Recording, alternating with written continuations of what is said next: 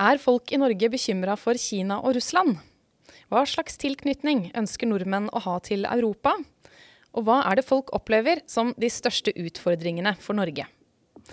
Mandag 13.9 er bare noen dager unna når denne podkasten spilles inn. Og da skal befolkninga velge hvem som skal styre landet de neste fire åra. Men hva slags tillit har velgerne egentlig til de ulike partiene når det kommer til utenrikspolitikk?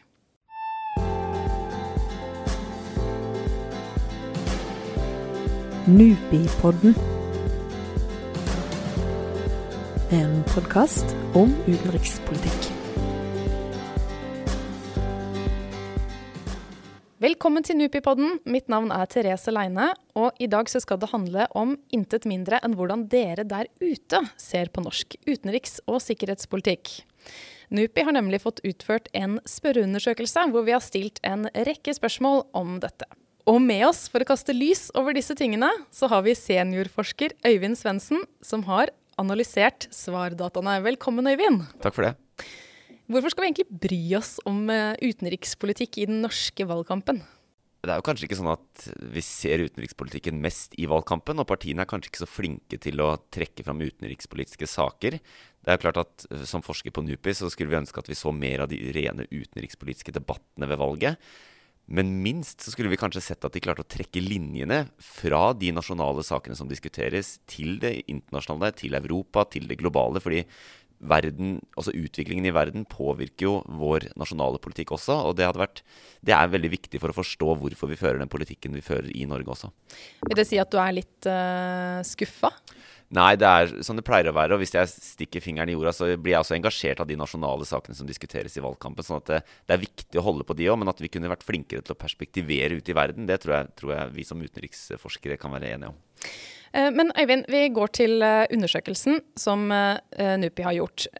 NUPI har gjort den samme type undersøkelsen med jevne mellomrom tidligere, og senest i februar 2020.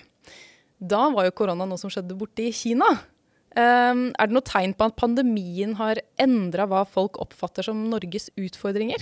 Absolutt. Uh, de utfordringene som ble eh, trukket fram da vi gjorde dette før pandemien uh, ble en global pandemi, det var mer de tradisjonelle utfordringene man forbinder med sikkerhets- og utenrikspolitikk. Terrorisme, uh, klimapolitikk var der. men også immigrasjon og de tingene som er vi knytter til internasjonal politikk nå i år, da vi gjorde dette, så var det andre type ting. Det var arbeidsledighet. Den troner øverst på undersøkelsen i år. Var nesten, det var det nesten ingen som brydde seg om eh, i fjor. Den har faktisk økt fra 15 til 41% som sier at arbeidsledighet er en av de største utfordringene våre. Og i tillegg så er det den økonomiske situasjonen og økende levekostnader som sammen har eh, fått et markant løft. Altså folk bryr seg, eller ser mer på vi kan si de nære ting, da, de tingene som er knytta til det enkelte livet, som utfordringer for Norge. Og det eneste egentlig av sånne internasjonale saker som, som står seg, selv om den går noe tilbake, er klima og miljø. Det er faktisk flere nå også som svarer at de anser Kinas voksende makt som eh, en trussel, enn spenninger i forhold til Russland. Hvorfor er det sånn, tror du? Hvor, hvor kommer den økte Kinaskepsisen fra? Det er fra utviklingstrekk i internasjonal politikk, tror jeg. Det er at uh, her hjemme så ser vi mer og mer uh, at uh, den internasjonale politikken og de store globale spørsmålene handler om økende rivalisering mellom Kina og vår næreste allierte og viktigste allierte USA. Som gjør at man gradvis også vi får de svarene i befolkningen at Kina ses mer og mer på som en trussel. og som en konkurrent da, til, til den liberale vestlige verdensorden som vi har vært en del av. Og når vi er inne på Kina og Russland, vi skal snakke om samarbeid nå. Men um, selv om uh, nordmenn ser på Kina og Russland som en trussel, er, er, det noe håp for noe samarbeid? Ønsker vi det?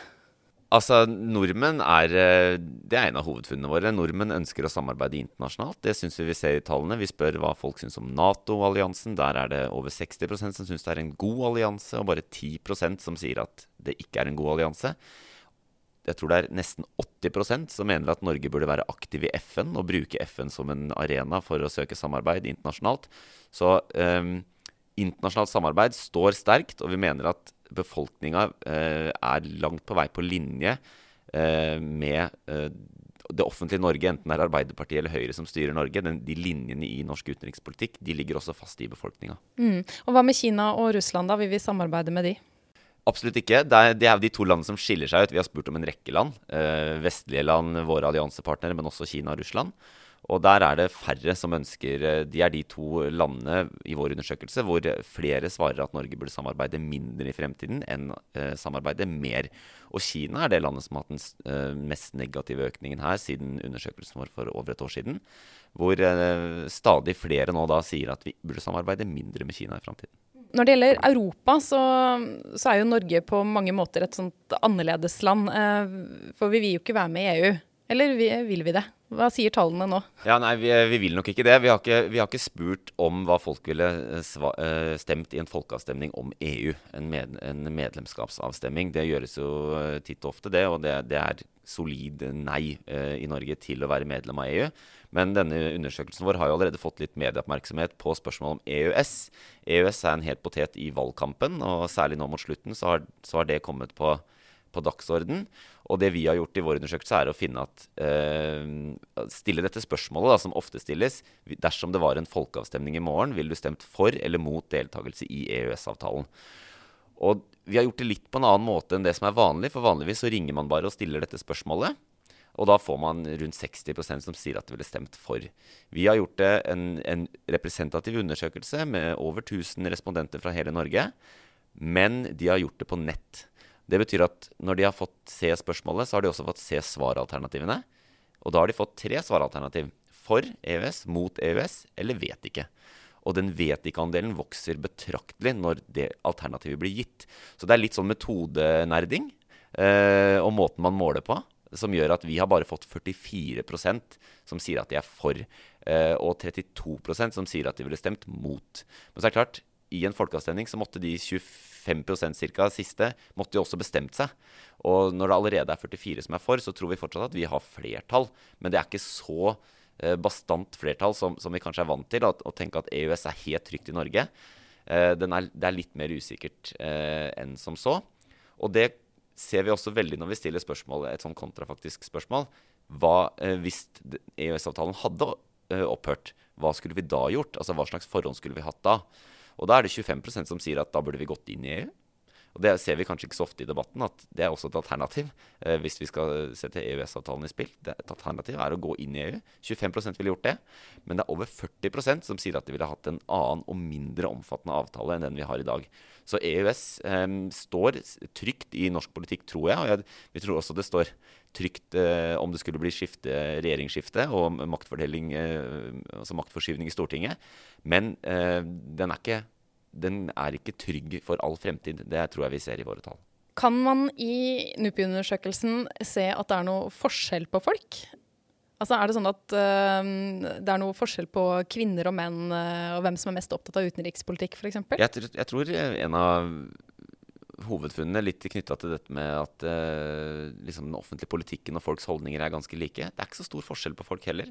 Eh, hvis vi går inn og ser på ulike skiller i geografi, eh, i eh, utdanningsnivå, på kjønn. Vi finner noen små forskjeller, men de er ganske små. De er ikke alltid liksom signifikante, som vi sier. Altså, så nordmenn er ganske enige om de fleste ting. Den typiske konsensusen i utenrikspolitikken. Um, I denne undersøkelsen så kommer det faktisk fram at en tredjedel av de spurte mener utenrikspolitikk ikke får nok plass i valgkampen. Er velgerne mer opptatt av disse spørsmålene enn det partiene tar uh, inn over seg? Det var litt det vi starta med. Jeg tror at uh, velgere er opptatt av det. Det er rundt uh, hver femte velger vel som sier at de syns at, uh, at, utenrikspolitikken er avgjørende for hva de stemmer. Det er en million, det. Det er en million omtrent, ja. Og det er jo klart at det er mange som da som tar valget sitt basert på det. Så, så, sånn sett så kan man si at det burde hatt, hatt en større plass. Ja. Men hvorfor snakker ikke partiene mer om utenriks- og sikkerhetspolitikk i valgkampen da? Det høres ut som de kunne ha vunnet på å gjøre det. Ja, de kunne gjort det, men så er jo argumentet imot at det er fire av fem som sier at uh, de er mest opptatt av lokalpolitikk og rikspolitikk når de skal ta valget sitt. Så igjen det jeg sa, jeg tror uh, hvis, jeg vært, uh, hvis jeg hadde vært strateg i et parti, så vet jeg ikke om jeg ville lagt om til å fokusere mer på utenrikspolitikken alene, men jeg syns vi kunne vært flinkere til å se koblinga i disse debattene mellom vår nasjonale politikk og hvordan verden rundt oss former den. Hvilke av partiene er det velgerne stoler mest på i utenriks- og sikkerhetspolitiske spørsmål? Her er det egentlig uh, surprise, surprise, da, for å si det sånn. Så er det sånn at uh, de fleste stoler mest på det partiet de stemmer på. Uh, og så stoler de mindre og mindre på de partiene som de ikke stemmer på, og de som er lengst unna de de stemmer på. Men sånn generelt da også så ser vi at det er fløypartiene som har minst tillit. Eh, Rødt og eh, Fremskrittspartiet skiller seg ut som partier eh, som har relativt lav eh, tillit. Og så er det de som faktisk eh, får aller størst utslag på lav tillit i utenrikspolitikken, er Miljøpartiet De Grønne. Mm, hvorfor det, tror du? Nei, Det er ikke godt å si, men eh, de er jo et, eh, et, eh, parti som splitter Norge på mange politiske Ikke bare klimapolitikken, men det, det, det, går jo inn i alle politikkområder. Og så vet jeg ikke om folk tenker at MDG har noen klimapolitikk. Nei, noen utenrikspolitikk annet enn en klimapolitikk. Og så er det igjen da, den bindingen mellom de to tingene som kanskje MDG ikke har vært flinke nok til å kommunisere til velgere fra andre partier særlig. Og Hvordan står det til med tilliten til Høyre og um, Aps utenrikspolitikk?